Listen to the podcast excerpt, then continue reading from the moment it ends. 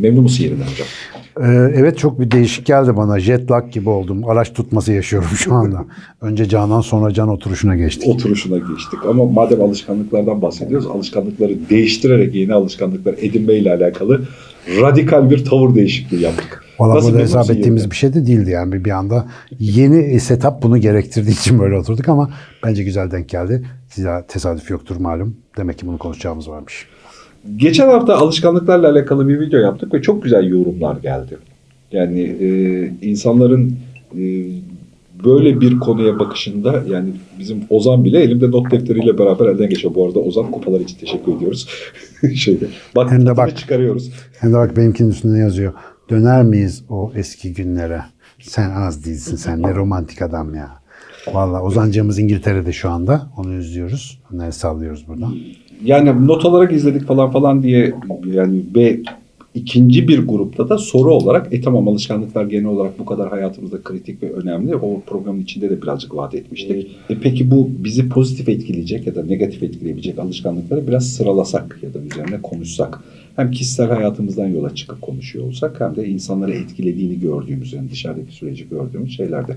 Biraz böyle gerçekten hap bilgi verme boyutunda. Bu alışkanlık iyidir, bu kötüdür, bunu yap yapma konuşması yapalım mı azıcık? Valla yani aslında biraz hazırlanmak gereken bir şeydi ama valla bodoslama girdik yani ben net söyleyeyim. Tamam yapalım. Benim elimde çok Güzel bir anahtar var konuya bakış Tamam. Seni de süper. Ya ben ben benim söyleyeceğim aslında kısmen basit. Şimdi ne tür alışkanlık edinmeliyim sorusu akşam ne yiyeyim sorusuyla kategorik olarak aynı. Şimdi benim senin bütün alerjilerini tıbbi geçmişini, damak tadını, kültürünü bilmem ne senin kadar iyi bilmem lazım ki sana akşam bir menü Ama önerebileyim. bu şey ya bizim gibilere tavsiyeler. Ay- Ama işte bizim gibiler deyince o kadar da farklı ki. Mesela birçok insan bana kitap okuma alışkanlığı nasıl kazanabilirim diye sorduğunda niye kitap okuyorsun diye soruyorum. Yani belki de alışkanlığı kazanmaman gerekiyor. Yani mesela başta bunu sormamız lazım gibi geliyor bana.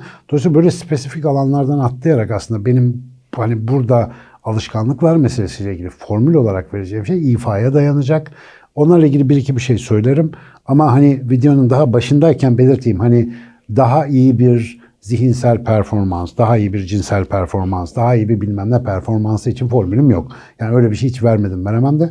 Ama ve lakin hayatı bir homo sapiens olarak daha üstün performansta yaşamanın hepimiz için geçerli kuralları. var. Belki biraz ona dem vurabilirim. Daha bu dönemin asıl hikayesi o ya. Yani benim için güzel bir, birinci soru benim anlamım ne sorusu. Aslında kendini bilmekle alakalı biz de hep böyle yapıyoruz. Yani dünyada var oluyorsun.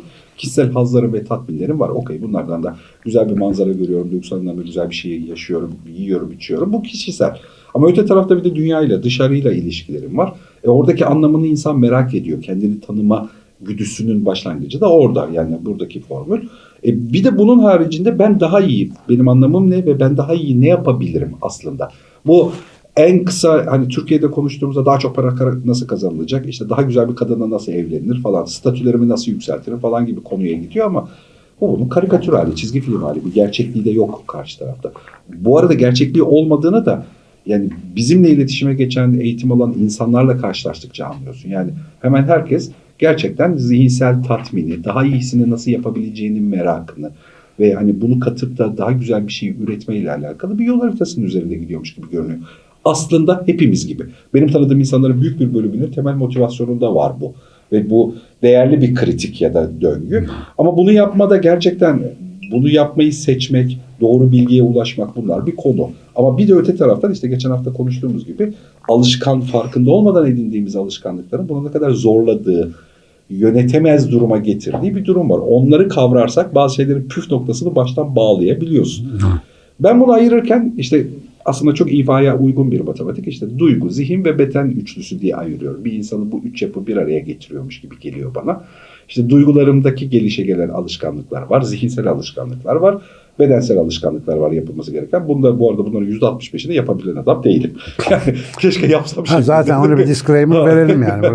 Bunu- konuşabiliyor olmak, yapabiliyor olmak anlamına anlamına. gelmiyor. Ama Gelmiyor. yapmakla alakalı ciddi anlamda eksikliğini hissettiğim bölümlerle alakalı ciddi anlamda çaba sarf ediyorum ya da yani orayı da aşmak, öğrenmek, onun üzerine bir şey eklemekle alakalı. Bazen 6 ay sürüyor, bazen 1-2 ayda çözüyorum. Onları öğrenmeye çalışıyorum. Bugünlerde Anlatacağım az sonra. Bugünlerde üzerine uğraştığım birkaç tane şey var. Şey yapalım mı? Bu muhabbet bittikten sonra mesela muhabbet sırasında da mesela maddeleyelim. Bir şu diye. Daha sonra da arkadaşlar bunu videonun altına yazsınlar bu maddeleri mesela iyi olur. Olur. Biz de böyle bir dökümü görmüş oluruz. Çünkü biz serbest konuştuğumuz için. Mesela benim aklıma gelen birinci, bilmiyorum katılır mısınız? Kendine karar verdikten sonra buna bir diyelim ya da demeyelim. Tamam, Alışkanlıkları değiştirmek yani ben kendim bildim bilelim bir dert. Yani insanlar içerisinde bir dert. Böyle yaygın bir konu. Fakat en büyük başarısız nedenlerden bir tanesi olarak şunu görüyorum. Aynı anda 5-10 alışkanlığı birden değiştirmeye ya da komple hayatını değiştirmeye kalkanlar. Bir, bir kere yani one job at a time. Her seferinde makul bir sürede en azından bir ay tek bir alışkanlığın üzerine çalışmak herhalde birinci kural olur değil mi? Kesinlikle. Ya bana öyle geliyor. Kesinlikle. Çünkü benim en büyük şeyim yıkılışlarım oradan. Yani hani olur ya bazen böyle yüksek enerjik hissedersin kendini şehir değiştirsin, iş değiştirsin, yılbaşı gelir ki geliyor gene kendisi. Kesin yarın sabah eti bırakıyorum, e, işte evleniyorum bilmem ne yapıyor. Hepsi birden olmuyor. Dolayısıyla bir tane bir şey belirleyip onun üzerinde mini mini mühendisliklerle çalışmak. Bir iyi mi? Kesinlikle iyi. Yani hiç üzerine söylenecek bir şey yok. Çünkü bizim davranışımız söylüyor. Madem yapmayı beceremiyorum uçurumdan atayım yapmak zorunda Ah, kalayım. aynen öyle. Yani hani davranış böyle uçurumdan atınca çoğunlukla ölüyoruz biz. Yani hani o iş kendisi darmadağın oluyor. O yüzden doğru söylüyorsun. Adım adım tek tek. Tabii, e, tek bir tane bir şey belirlemek. Ondan sonra da belki hani işte ikinci, üçüncü maddelere bundan sonra gidiyoruz ama galiba en önemlisi bu. Senin bahsettiğin bölümlemelerle ilgili yani zihin, ruh, beden hikayesi ya da zihin, duygu, e, beden diyebiliriz belki. E, Şimdi o üçleme içerisindeki meselelerin aslında ayrık olmadığını fark ederek başlamak lazım.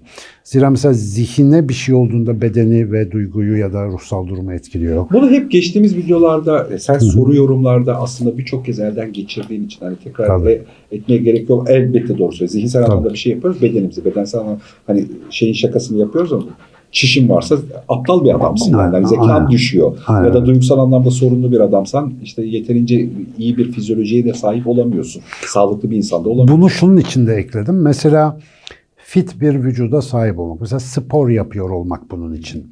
Ya da perhiz yapıyor olmak. Bedenen baktığında iyi gözüküyor. Hani tıbbi literatür de o tarafa işaret ediyor. Ya fakat bunu yaparken mesela denerken ruhsal durumuna, işte zihinsel durumuna, seni iyi hissettirip hissettirmediğine, ilişkilerine nasıl yansıdığına, senin hayat kaliteni toplamda zihinsel, ruhsal ve bedensel olarak nasıl etkilediğine bakmak lazım gibi geliyor bana. Çünkü ben mesela vücut geliştirme salonlarında yani sadece depresyonda olmak için orada olan, bak depresyonda olduğu için değil, depresyona girmek için oradaymış gibi olan insanlar tanıyorum. Öyle bir yabancılaşıyorlar ki bedenleri dışındaki her şeye. Ve bir anda böyle bir kapanıyorlar. Çünkü bütün amaç kas olunca adam beyni de kasa dönüşüyor. Yani her şeyi kasa dönüşüyor. Yani duygular hep orada. Bir gün mesela e, bir gün önce kaldırdığı ağırlığı kaldıramayınca böyle hayata lanet etmelerler bilmem neler böyle tuhaf tuhaf haller oluşabiliyor. O yaptığımız şey bedenen bizi fit yaparken diğer alanlarda da fit yapıyor mu? Böyle bütünlüklü bir bakışla. Bu arada spor marjinal bir örnek oldu. Yani herhangi bir şey olabilir bu. Hayatımızda irili ufaklı herhangi bir alışkanlık. Yani sabah diş fırçalama alışkanlığı kazanmak da dahil buna. Bir bak bakayım yani totalde iyi hissettiriyor mu? Benim ölçülerimden bir tanesi bu. Birinci kural her seferinde bir tane bir şeyle uğraşacaksın. İkinci kural yani kural nedir? Kural yaptığın şey bütüne iyi geliyor mu? Yani bütünlüğüne iyi geliyor mu senin? İster bedensel, ister zihinsel. Diyelim şey oynuyorsun. Ne o? Beyin geliştirme oyunları var. Hiçbir şey yaramıyor arkadaşlar. Beyin geliştirme oyunları kendimden biliyorum yani. Onları oynuyorum mesela. Orada çoluk çocuk aç bir ilaç, iş gidiyor, bilmem ne kaçıyor. E niye beynini geliştiriyorsun? Böyle olmamalı gibi. Yani anlatabildim mi bilmiyorum. Anladım anladım. Ee, Yani ikinci kuralı şey diyelim, bütün bütüne hizmet etmeli. Yani alışkanlık değişikliği. Ya da belki işte sakınma tarafından tarif edersek daha güzel olur. Yani bütünle hizmet etmediğinde fark edilmeli. Ha fark edilmeli. Yani- ya da ha, bir alışkanlığı değiştireceğin zaman mesela bu güzel bir kriter. Evet. Bak üçüncü madde olur bu. Değiştirmesi gereken alışkanlık bütüne hizmet etmeyen alışkanlık. Ya da Evet. bütünü sekteye uğratan alışkanlık. Tamam hazır mikrofon açmışken. Burada mikrofonun biri kapalı kalmış çaktırma. Onu böyle tweak yapacak. Kızıyorlar bize ses yüzünden. gerçekten millet barbar bağırıyor. Ya valla arka, ya hakikaten abi bu ses meselesi yani ben bakıyorum ben her yerde dinliyorum bizim sesimiz güzel geliyor ya. Niye öyle arıza yapıyor? Valla moralimiz bozuluyor. Gittik bir sürü mikrofon satın aldık. Tonla para kazandırıyoruz el aleme. Lütfen zaten dolara da şey olmuş. yani bence ses güzel. Bu arada biraz önce e, Mustafa'nın mikrofonu kapalıymış şimdi fark ettim. Tek mikrofon konuştuk. Onun sesinin biraz Davudi olması onda. Biz ne diyorduk? Üçüncü abi. Üçüncü ne demiştik? Unuttum ben. Ha, bütün ruh beden sistemine komple Faydası olup- Ya da değiştireceğimiz alışkanlık bu üçüne hizmet etmediği için değiştirilmeyi hak ediyor. Bu arada her alışkanlığı değiştirmek zorunda da değiliz. Onu daha önce konuşmuştuk zaten. Alışkanlıklara zaten ihtiyaç var. Onu fark etme üzerine kurulu bir mevzu. Dolayısıyla yani işte mesela kitap okuma alışkanlığı demin dedim. Bayılıyorum ben buna mesela. Öyle düşünmeden söylenen bir şey kitap okuma alışkanlığı. Niye kardeşim? Niye? Bak onun öncesinde bir şey var. Bu kendimde fark ettiğim mevzulardan bir tanesi. Bu gerçekten işin başında okulda ya da aileyle beraber edinilmesi gereken bir alışkanlıkmış gibi görünüyor. Her gün günde en az 4 defa 45 dakika kadar bir şeye konsantre kalabilmeyi öğrenmek. Bu alışkanlığı geçirmek. Aslında kitap okuma alışkanlığı da bu hikayenin altında Hepsi yatıyor. besleniyor tabii. Evet. Şimdi bunu mesela yani normalde üniversiteye hazırlanan ya da üniversiteyi bitirdiği iş hayatına girecek birisi tavsiye istediğinde konuşunca komik bir şey gibi geliyor. Yani tuhaf geliyor konuda. Halbuki benim hayatımı kritik etkileyen ana alışkanlık konusudur. Çünkü yüksek dikkati dağılmaya müsait bir adamım. İşte çoğunlukla motivasyonunu karşıdaki konuştuğu kişiden aldığı için beni bir kitapla defterle bir araya bıraktığında ben gerçekten sirk gösterisi gibi oluyor. Telefon, bilgisayar, cep telefonu, elimdeki kitap bilmem falan diye böyle hani dikkatim muhteşem dağınık bir şekilde 50 tane farklı Dikkati konuyu dağılmasa bile dağıtacak bir şey üretiyorsun. üretiyor. Aynen, aynen öyle. Halbuki mesela şeyi öğrenebilsem ya bir konuya 45 dakika kadar ritmik kalabilen bunu günde 4 defa 4 defa olsa yeterli bu arada. 4 defa tekrarlayabilen. Yani 45 dakika kitap okuyup bırakabilen. İşte 45 dakika bir şey. Dört. Dördüncü kural. evet. Günde dört kez 45 dakika kadar bir şeye konsantre olma. Bunun yollarından bir tanesi mindfulness işte mesela. Mindfulness bu işe yarıyor. Evet. Mindfulness egzersizi dikkatinizi belli bir süre bir şeyin üzerinde odaklama devrelerinizi geliştirmeye yarıyor. Bunu yapamadığımız için zaten sürekli dağılıyoruz da. Hele bu dönem malum onu en çok dağıtan zaman. Evet yani bu bu iyi bir egzersiz ya da başlangıç zemini olabilir ama bu alışkanlık değiştirmede hani şunu deyince tuhaf olacak mı bilmiyorum. Bazı şeyleri yapmanın tek kuralı yapmak gibi geliyor bana. Tabii. Yani bu konuda yapmaya kendini maruz bırakmak. Yani e, zaruri olarak o ilk 5 dakikaya İşte katlanmak. zaten abi demin dediğimiz o birinci madde olarak her seferinde bir alışkanlık meselesi Evet. de bu.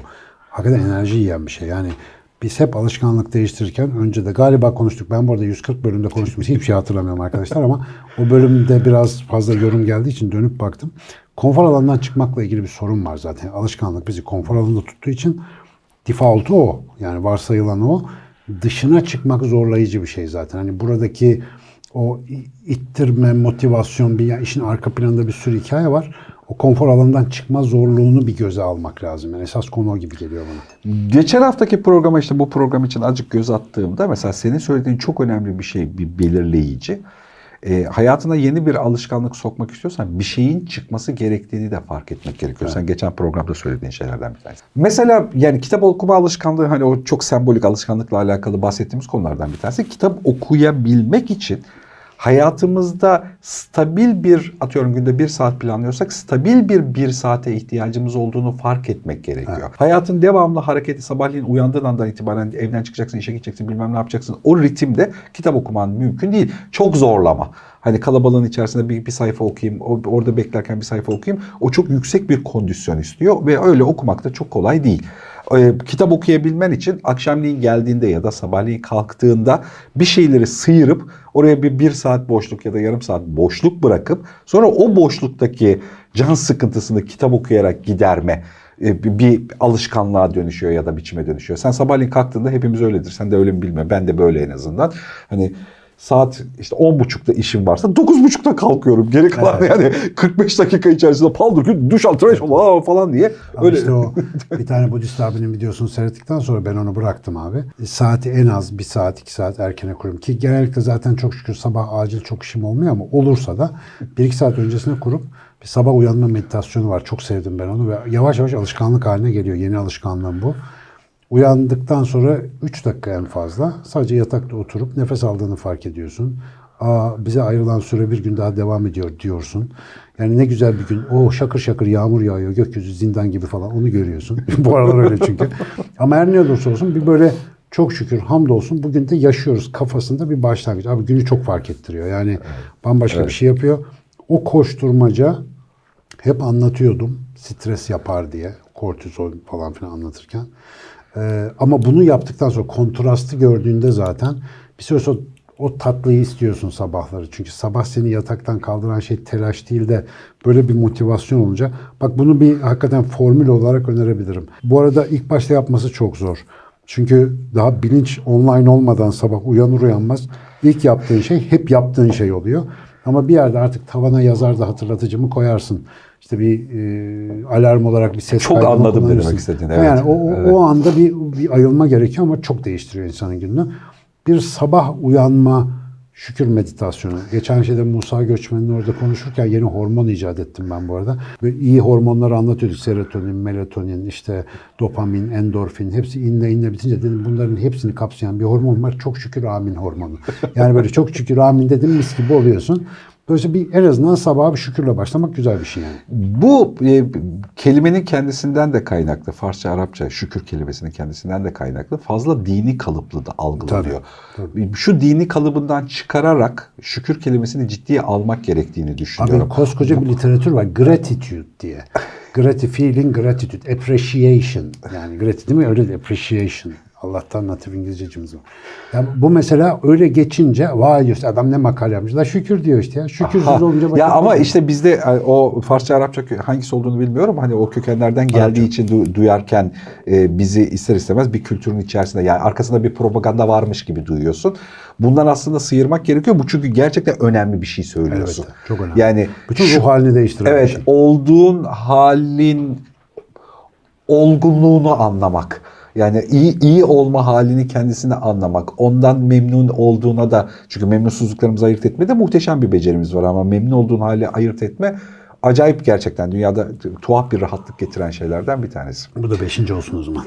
Olsun şükredeceğiz. Ama Aynen. dediğim gibi dinsel şeyin dışında. ya istersen dini olarak şükret. Allah kabul etsin. Ha, o ayrı ama Ateist olsan şükret abi yani güzel bir şey sonuçta yaşamak. Yani abi şöyle bir şey var yani birkaç sabah yaptığın zaman ne kadar kıymetli bir hediyeye her sabah böyle e, nobranca karşılık verdiğini anlıyorsun yani. Her sabah uyanıyoruz ya. Ben sinir bilimciyim nasıl uyandığımı bilmiyorum. Böyle tuhaf bir şey yani. Her sabah tak diye online veriyorsun ve hiçbir hatıran yok gördüğün rüyalar dışında. Gece tamam Allah'a emanet gitmişsin orada. Ya sabah böyle gözünü açınca bir "Ha, oh be falan demek güzel Ben bir şey. ben mesela bunu birilerine tarif ederken şey diye kullanıyordum. Yani e, normali övmek, normali Aynen. e, şimdi mutlu olduğumuz zaman nadir zamanlar zıplıyoruz, atlıyoruz, mutlu olduğunu biliyorsun. Yani hani çok spesifik bir şey olduğunu ama bu yılda 1 3 5 10 50 tane mutlu olduğun an. Mutsuz olduğun yüzlerce var ve bunu hep biliyoruz. Ya şikayet ediyoruz ya kavga ediyoruz ya savaşıyoruz falan falan. Halbuki genelimizi kaplayan bir normal var ve normalin iyi halini fark etmeye de ihtiyaç var. Yani onu onu algılamaya, bana şükretme öyleymiş gibi geliyor. Yani evet şu anda normal ağzımda güzel bir kahve tadı var. O çok iyi bir arkadaşımla sohbet ediyorum. İyi bir haldeyim ya. Yani hani hani ve bu normal bir hal. Özel olarak bir mutluluk yok falan. Bunu bunu bunu bilme ya da sezme. Tam bu bana altıncı e, önerebileceğim alışkanlığı hatırlattı. Günlük tut derler ya hep. Şimdi duygu günlüğü diye bir şey var. E, kimden okuduğumu hatırlamıyorum. Galiba bir kitapta okudum. O gün akşam yatmadan önce o gün hissettiğin başat duyguları yazıyorsun. Ama kağıdın alt üçte birini bir çizgiyle ayırıyorsun. Bugün hissettiğim en güzel şey diye bir bölüm açıyorsun. Her akşam bunu yapıyorsun. Ve o hissettiğim en güzel şeyi yazabilmek için gün içerisinde mecburen bir şey bulmak zorundasın. Yani orayı boş bırakmak yok. Bu bir alışkanlık abi. Yani tamam kanunda yazmıyor falan ama oraya bir şey yazman lazım. Ya dolayısıyla en azından gaz çıkardım, rahatladım. Yaz yat. Yani bu bile olur. Ama gün içerisinde şükür edecek bir şey, hoşla e, yani ne bileyim, seni böyle olumlu anlamda uyarmış herhangi bir şeyi tespit etmek çok güzel bir alışkanlık. Bu arada duygu günlüğü şöyle bir şey. Şundan önemli. Güzel güzel fikir evet. Mesela bugün şunu hissettim, bunu hissettim yazıyorsun ya. Tabii onun yanında bir olayı da var. Yani bir olayla not ediyorsun. Biz mesela 5 yıl sonra bugün yaşadığımız bir olayı hatırlarken hatırladığımız andaki duygu durumuna göre ona yeni duygu bindiriyoruz. Yani aslında duygusal olarak çarpıtıyoruz hatırladığımız şeyi. Mutluysak o böyle çok güzelmiş ya da olduğu kadar kötü değilmiş falan gibi hatırlıyoruz. Halbuki o gün o olayı o duygusuyla yazdığın zaman duyguyu kaydetmiş oluyorsun ve bu geri dönüp olayı daha objektif değerlendirebilmeni, o deneyimi bugüne daha doğru taşıyabilmeni sağlıyor. Hem de aslında kendini tanımak için bir katalog. Çünkü akıldan ziyade duygudan ibaretiz. Dolayısıyla 6. Duygu günlüğü ama altındaki üçte birlik bölümü unutma. Nedir efendim? Bugün yaşadığım en güzel duygu. Güzel yani evet. Ben bu arada bu konuyu çok zorlanıyorum söyleyeyim. Yani günlük denen hadise beni gebertiyor. Abi bir insan 8 yaşına kadar bir işi yapmaya çalışıp da yapamaz mı ya? Yani bir, çok konuşup çok yazdığım içindir muhtemelen de. Ben devam deşarj oluyorum ya dışarı ama e, bir, bir tane günlüğüm var benim işte. İki tane karşılıklı sayfadaki girdiler arasında tam 10 yıllık boşluk var. Yani 10 yıl sonra devam etmişim. O, o derecede tutarlıyım ama bu aralar yapmaya çalışıyorum onu da söyleyeyim. E, günlük mevzusunu belki biraz daha geri plana çekip şu yazmayı alışkanlık haline getirme diye konuşmak e, önemli olabilir. Şimdi senin yazmaya dair alışkanlığın süpersonik var. Yani Evet. hani bir yazma ritmin zihinsel duygusal olarak yazmayı öğrenmişsin sen. Yani kafadan geçeni yazarak aktarma. Mesela bu benim bu dönemde o videonun başındaki bahsettiğim en çok uğraştığım konulardan bir tanesi bu. Düşünen bir insan olarak bunun tek bir ispatı var. Yazman lazım. Ben düşünen konuşana dönüyorsun. Yani halbuki yazıyor olarak ispatlaman gereken bir şey. Hep şakasını yapıyorum yani bana anlat de 15 dakika yaz de bir buçuk hafta. Yani bendeki maliyeti öyle oluyor. Yazabiliyorum ama bir buçuk hafta mı alıyor yani ona. Çünkü o vakit ayırmayı öğrenmemişim. İşte o gündeki 4 defa 45 dakikalar yok bende hiç. Dikkatim dağınık falan. Ya, Ya bir de yazı konusunda toparlaman gereken zihinsel kaynakla konuşma farklı. Konuşma hızlı ve uçarı. Ama yazı sabit medyuma yerleştiriyorsun ya o yüzden başka bir biraz farklı bir düşünüş biçimi gerekiyor. Konuşmada duygusal tutarlılık yetiyor. Yazıda akılsal bir tutarlılık lazım. Yani duygusal tutarlılık. Ben mesela- Anladın değil mi abiyle yürüyoruz konuşmada. Diyorlar ki mesela konuştuğun gibi yazıyorsun hocam. Öyle değil. Ben konuşma deşifrelerimi okuyorum. iğrenç. Yani yazıya geçtiği zaman gerçekten kötü. Şimdi konuşurken ses tonu, vurgu falan gidiyor bir şekilde ama Şu son soru yorumlarda çok iyi gidiyorsun ama sen. Sen orada bir, bir level atladın yukarıya. Bir, yani bir level daha atladı Abi yani. Artık şey Mars'a varmış. gittin yani konuda. Ya gerçekten şu yuvarlak objektif görünce faaliyete geçen bir çip varmış. Ben onu keşfettim artık. Ya da zaman içinde mi oluştu bilmiyorum. Böyle bu- budak çıktı içeride bir tane. Yeni sinaps şeyi, sapı çıktı böyle. Böyle görünce bir konuşasım geliyor ama mesela onu yazıya döksen öyle olmuyor. Yani okuduğun zaman en azından beni rahatsız ediyor. Yazma disiplini başka bir zihinsel kas geliştiriyor. Mesela bu duygu günlüğü hikayesi de yazma disiplini kazanmak için iyi bir fikir. Çünkü duygular genellikle insanın kendi duygusunu okuması da zamanla cezbeden ve kendisini ödüllendiren bir şey. Dolayısıyla yazma alışkanlığı kazandırmakta birçok insan biliyorsun yazmaya günlüğüyle başlıyor. Anna Frank'ın günlüğü falan. Devamlı böyle bir kendisiyle ilgili bir e, sohbet e, imkanı doğuruyor aslında günlük denen hikaye. Ben muhtemelen işte ya kendimle ilgili bir yabancılaşma sorunu nedeniyle falan bir derece onu şey yapamamışız gençlikte. Oturtturamamışız. Ama bunu oturtturan insanların çok faydasını gördüğünü biliyorum. Ama bunu da lüzumsuzlaştırmamak lazım yani. İlk çocukların tuttuğu günlükler gibi olmasın 40 yaşında tuttuğunuz günlük. Yani bugün buraya gittim. Hüseyin bana dedi ki bak bunu böyle. Bu değil yani. Ben Hüseyin'e dedim ki o ayakkabıyı almasan iyi olurmuş falan diye. Son derece sıkıcı bir gün 4 sayfa tutuyor falan mesela. Öyle bir şey değil yani. Bir tane arkadaşımız var, bir akrabamız daha doğrusu. Obsesif derecede kayıt tutma hastalığı var. Yani günlük gazetelerde çıkan her türlü haberi, o gün televizyonda oynayan filmler vardı ya işte bir e, iki tane mahkum uçak kaçırır ve olaylar gelişir falan diye yazıyor ya. Onları falan alıp böyle bir deftere yapıştırmış ama bir defter dedim özür diliyorum. Yaklaşık 60 defter falan var. Yani adam ve 15 yaşından 25 yaşına kadar atıyorum bunlar. Ve geri kalanı da başka depolarda falan duruyor. Şimdi bu pratik bir şey değil. Tam eğlenceli bir hobi falan olabilir ama herhalde böyle bir şey olmaması gerek diye düşünüyorum günlüğün yani. Daha böyle öze yönelik geliştirici bir e, hikaye yapmak lazım. Bu arada günlük üzerine çok yani vurgu yaptık fazla uzun konuştuk ama aslında dediğin gibi mesele kayıt altına alma alışkanlığı. Şimdi Özellikle hayatın çok hızlı aktığı bu dönemde. mektup ödevleri gönderenler bilirler bunlara mektup ödevleri var. evet. ya yalnız valla Tüm şey, postaneler seni tanıyor söyleyeyim Abi Seni hepsini. zaten tanıyorlar ama yani tüm postaneler bu, bu İstanbul'da. masaya sereceğim hepsini özel video çekeceğim onlara. Çok güzel mektuplar var. Efsane. Benim mesela hayatımda... Yedi mektup yazın. Mektup yazın bu arada. Ya bu Ama bilmiyorum güzel. alışkanlık geliştiriyor. Postanedekiler çok yamuk yapıyorlarmış abi şeyi. Ya hayır ya yani mail yazın. Yani telefon açıp bir şey konuşacağına yani hani yazarak karşı tarafa kalıcı olabilecek, onun da hatırası olabilecek. Bazen e, eşim dostum ben öyle saçma sapan ara insanlara mail atıyorum. Aklıma bir şey gelmiş, bir şey yapmışım. Onu bana yıllar sonra geri gönderiyorlar. Sen bana 10 yıl önce bunu yazmışsın falan diye. 5 yıl önce falan. Çok güzel bir duygu. Yani orada bir, bir yerde coşmuşum. Bir de şey bunu yazılı kağıda el yazısına yazdığını düşün. Eskiden Çok öyleydi. e, 20'li yaşlardayken el yazısıyla yapıyorduk. Ben mektup kullandığım bir şeydi. Bunu deyince yaşlılığımız ortaya çıkıyor çaktırma. Abi benim öğrencilerin hemen hemen hepsi hayatında ilk defa mektup yazıyorlar.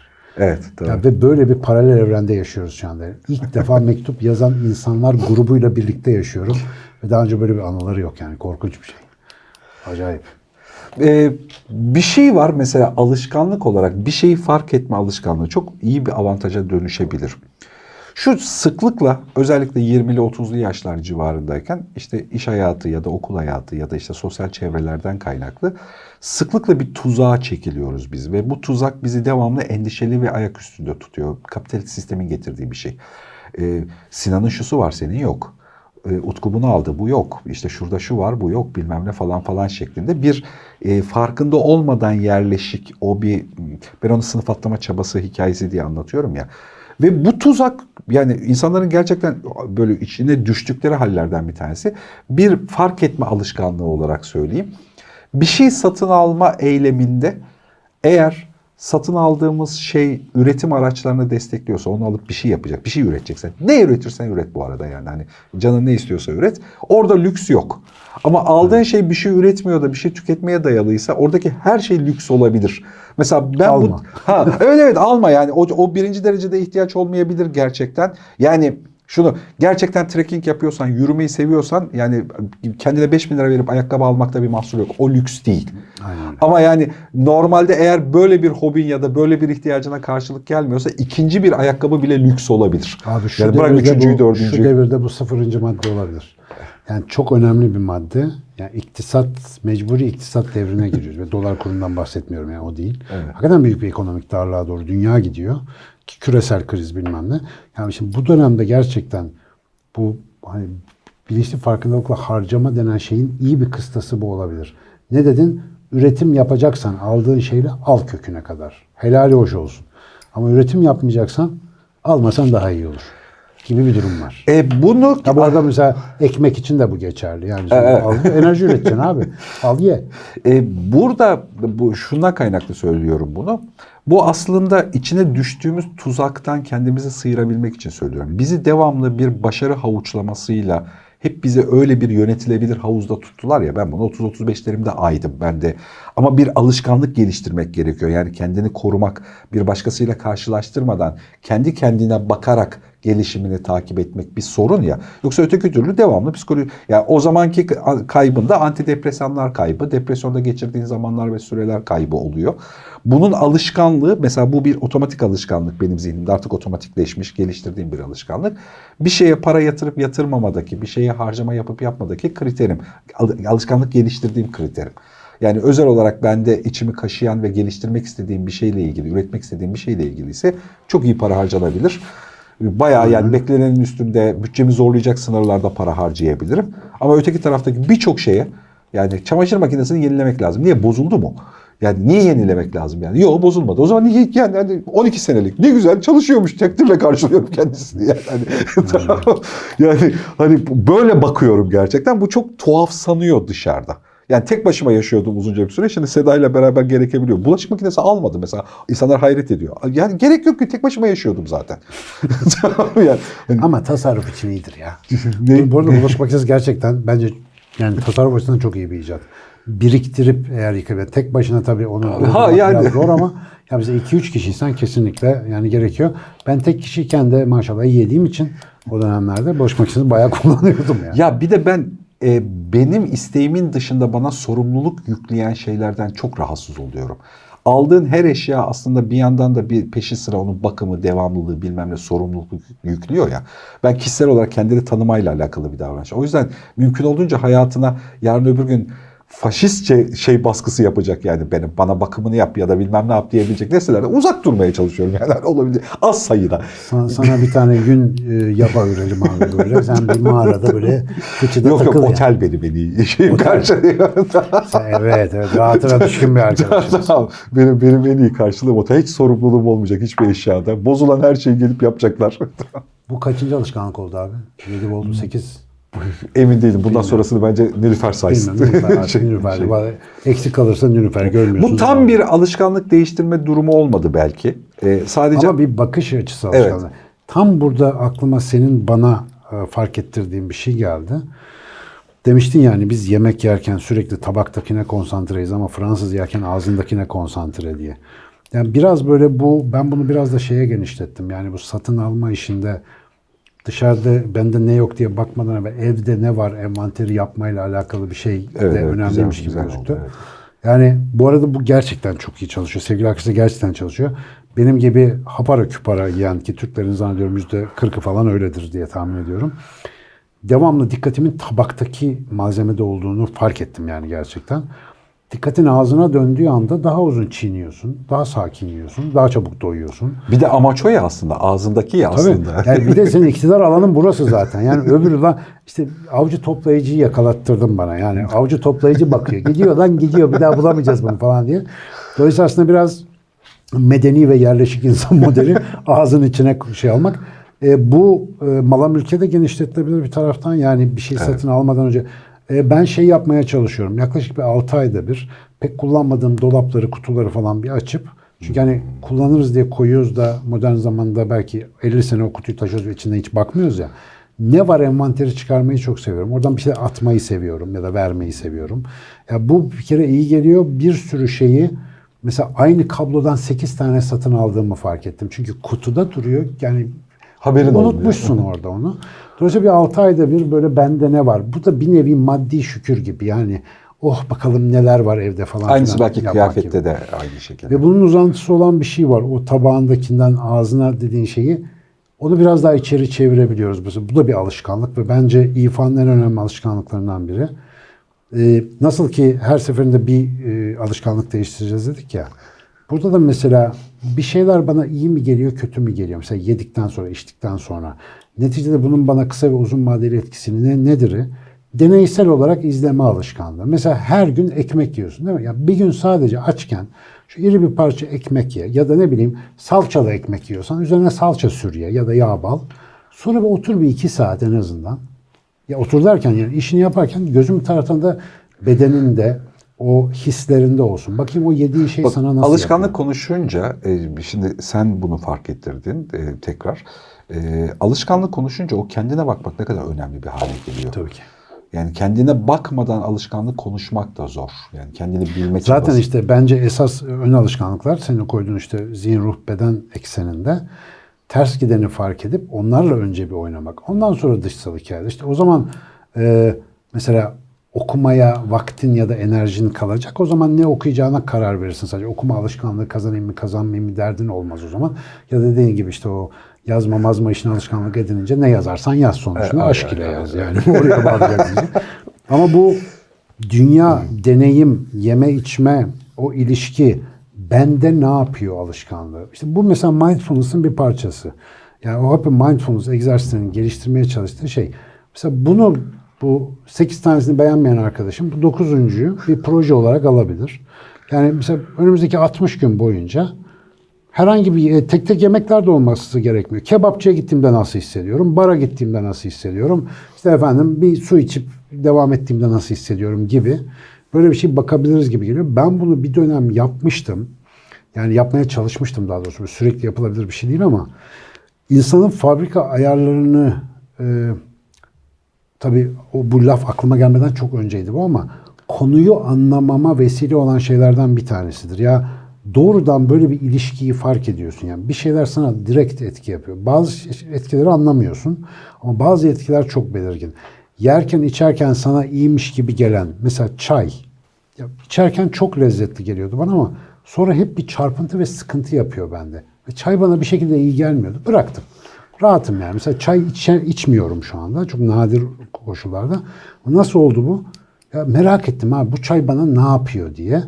Şimdi birçok insan kendini böyle bir proje odağına yerleştirmeye konusunda değer görmüyor galiba. Öyle bir sıkıntı var. Halbuki bunu yapmak lazım. Bir de insana kendini önemli hissediyor. Bugün kendi üzerimde çay demledim falan diyor. E, bu mesela A toplumu değişimi hikayesi. Şu ben ara sıra diyorum ya bağ toplumundan A toplumuna geçiyor. Yani toplum yapısında değer yapısı değişti hikayesi. Mesela bu da önemli bir değer değişim konularından e, başlıklarından biri tam olarak söylediğin.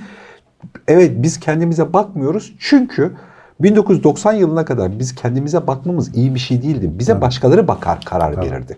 Eşimiz, dostumuz, annemiz, babamız, patronumuz, müdürümüz bilmem ne bakar. Bizimle alakalı kanaati o verirdi. Abi bir kendinle alakalı bir şey tarif et dediğinde bu ayıp bulunur. Onu merak ediyorsan başarılı mıyım, iyi iş mi, iyi yapıyor muyum, bilmem ne yapıyor muyum? Onu müşteriden soracaksın, onu patrondan soracaksın, onu annemden, babamdan, öğretmenimden soracaksın. Alışkanlığımız böyleydi. E ama bu değişti. Şimdi kimsenin bizim üzerimizde öyle bir konsantrasyonu yok. Kimsenin kimse üzerinde yok. Bu, bu da çok tuhaf. Mesela bu değişim gerçekleşmiş, bitmiş değişimlerden bir tanesi. Herkes kendini tarif etmediği, kendine bakmadığı sürece kimse sana bakmıyor artık. Yani annenle babanla aynı evde mi yaşıyorsun? Onun fırsatı yok ki. Artık hepimizi en az annemiz babamız tanıyor ne yazık ki. Yani 20'li yaşlarda yanından ayrıldık. Uzaktan bakıyorsun işte. Yani e, orada bir sürü şey değişti. Hayattaki, kültürdeki bir sürü şey değişti. O yüzden çok önemli ve altını çizdiğim şeylerden. Biraz biri. daha bencil olmamızın zamanı geldi yani. Acık böyle kendimize dönmek, biraz kendimizle uğraşmak. Bence mesela bencillik mi o emin değilim. Yani orada bana bana başka bir duyguymuş gibi geliyor. Şimdi bu eskinin 1980'lerin 90'lık algısıyla bencillik. Çünkü o dönemde buna hiç alışkın değiliz. Ama bu dönemin normu gibi geliyor. İşte o yüzden biraz provokatif olsun diye söylüyorum. Bencillik kötü ya bizde. Evet, Ya yani- aslında değil yani. Öyle, Evet. öyle değil, o değil yani. O bencillik o bencillik değil. Şöyle bir temel problem var anlayamadığımız. Ben iyi olursam etrafımdaki iyi oluyor. Öbürleri iyi olsun diye kendimi heder edince herkes mutsuz oluyor. Bunu göremiyoruz. Yani 30 yıl size saçımı süpürge ettim. İyi halt yedin. Yapmasaydın keşke de bugün hep beraber mutlu olsaydık. Yani ben sana adandım artık bana geri ödemesini yapacaksın kafasına giriyoruz bu adanmışlık hikayesiyle. Ki adanmıyoruz da aslında yani saçma sapan bir şey o. Dolayısıyla şimdi bu devirde biraz insanlara bencillikmiş gibi gözüken ve maalesef hepimiz de bir eski kuşağın şeyini devralıyoruz ya kültürünü. Biraz onun kafasına hızlı çıkan kazanacak yani o yeni alışkanlığı geliştirecek. Önce benim gündemim var arkadaş bir onu bir halledeyim. Mesela en çok zorlananlardan biri biliyorsun benim hayır diyemiyorum yani hala o kadar çalışmama rağmen şu bir hayır hay- hayır şunu istemiyorum. Ya bunu mesela hakikaten geliştirmek lazım. Hani bu arada eskisi gibi değilim yani bir, biraz yani bir tık ilerleme var konuyla ilgili ama şimdi bu yeni nesil onu biraz daha becerir gibi geliyor. Mesela hakikaten üzerine iyi çalışılması gereken bir şey bu bence. O zamanın bak havalı bir kelimesi var aslında bununla alakalı 1990'ların. O havalı kelime de şimdi normalleşti. Kendini bilmek. Kendini bilen adam olmak. Hani o kendini bilen adam olmanın şimdiki uygulaması bir zaruriyet. O yüzden mesela nasıl öğrendiğini bilmek, işte nasıl duygulandığını, duygu akışının ne olduğunu bilmek, seni neyin tetiklediğini, neyin tetiklemediğini bilmek, kendinle ilgili uğraşmış olmak takdire şayan bu dönemde. Evet onu 1990'larda yapınca şey gibi oluyordu yani hani tüm topluma karşı kendini özelleştirmeye çalışıyor. Bak görüyor musun gibi oluyordu. Şimdi öyle değil. Toplum seninle seni hiç umursamıyor yani. Seni kara delik gibi görüyor kendini tarif etmezsen. Şimdi A toplumunda öyle oldu. Şöyle analoji diyorum. Belki hoşuna gidebilir konuda. Yani milyarlarca puzzle parçacığından oluşan bir bütünsel resimmiş gibi oluyor. Metadatalardan kaynaklı senin varlığının olduğu yerdeki puzzle şekli kabaca belli. Ama sen kendini ifade etmezsen rengini, biçimini, içinde ne olduğunu orası kara delik gibi duruyor. Sen kendini ifade edersen orada o şekli ya da çevrendekilerle beraber bütünleşen şekli tamamlıyorsun. O yüzden kendini ifade edebilmek için de kendini bilmeye ihtiyaç var. Kendine dikkat etmeye, kendini fark etmeye. Bu arada çok alakalı değil mi? Bir 10. geldi aklıma. Galiba 10. oldu. Bu arada 10 iyidir. Hani yuvarlak rakamı bağlayacağız ya böyle bir hastalığımıza. 17 buçuk. Eee, ritüel oluşturma alışkanlığı. Şimdi bu mesela Bak ateistler bunu için- atlasak çok üzülürdüm Tabii. kesinlikle. Tabii. Ee, Alan de Batı'nın şu ateistler için din hikayesinde de bu geçiyor. Ee, o işte özetle şey söylemişti yani tamam ateistiz, seküleriz, güzeliz, iyiyiz ama yani dinlerin işe yarar bir sürü tarafı var. Hani mesela ritüel kurma bunlardan biri. Ee, şimdi ben bunun eksikliğini pandemi döneminde bazı denemeler yapma fırsatım olduğu için kendim de yakaladım. Özellikle de e, sevgili David Eagleman'ın Yaratıcı Türk kitabının daha ilk bölümüne bana böyle suratın ortasına yumruk gibi gelecek bir paragraf açtığı için yani diyor ki bütün canlılar beslenir. Bütün canlılar yemek yer. İnsan ise sofra hazırlar. Yani bunu bir ritüele dönüştürür ve dolayısıyla o yeme işini insani bir deneyim düzeyine kaldırır falan gibi bir hikaye var orada. Ee, mesela bir sofra hazırlarken bir yaratıcılık kullanıyorsun dolayısıyla. Sabah, öğle, akşam. Yani günde beş vakit olmasa da sabah, öğle, akşam. Mesela yemeklerimizde yahut e, görüşmelerimizde ya da toplantılarımızda ya da herhangi bir şeyimizde. Ama hepsinde birden değil. Birinde ya da bir ikisinde.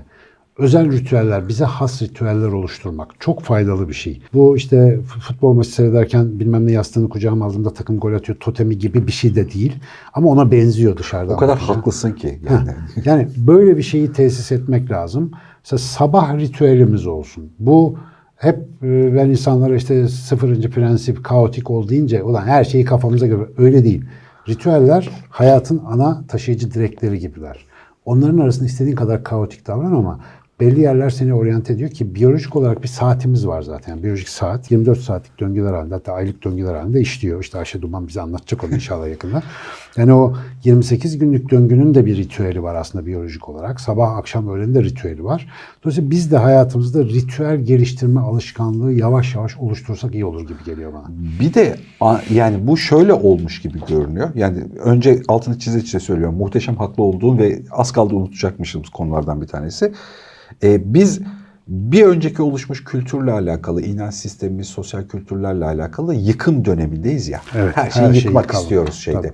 E şimdi yıkım dönemine girdiğin andan itibaren onlarla beraber anlamlarını da yıkıyorsun.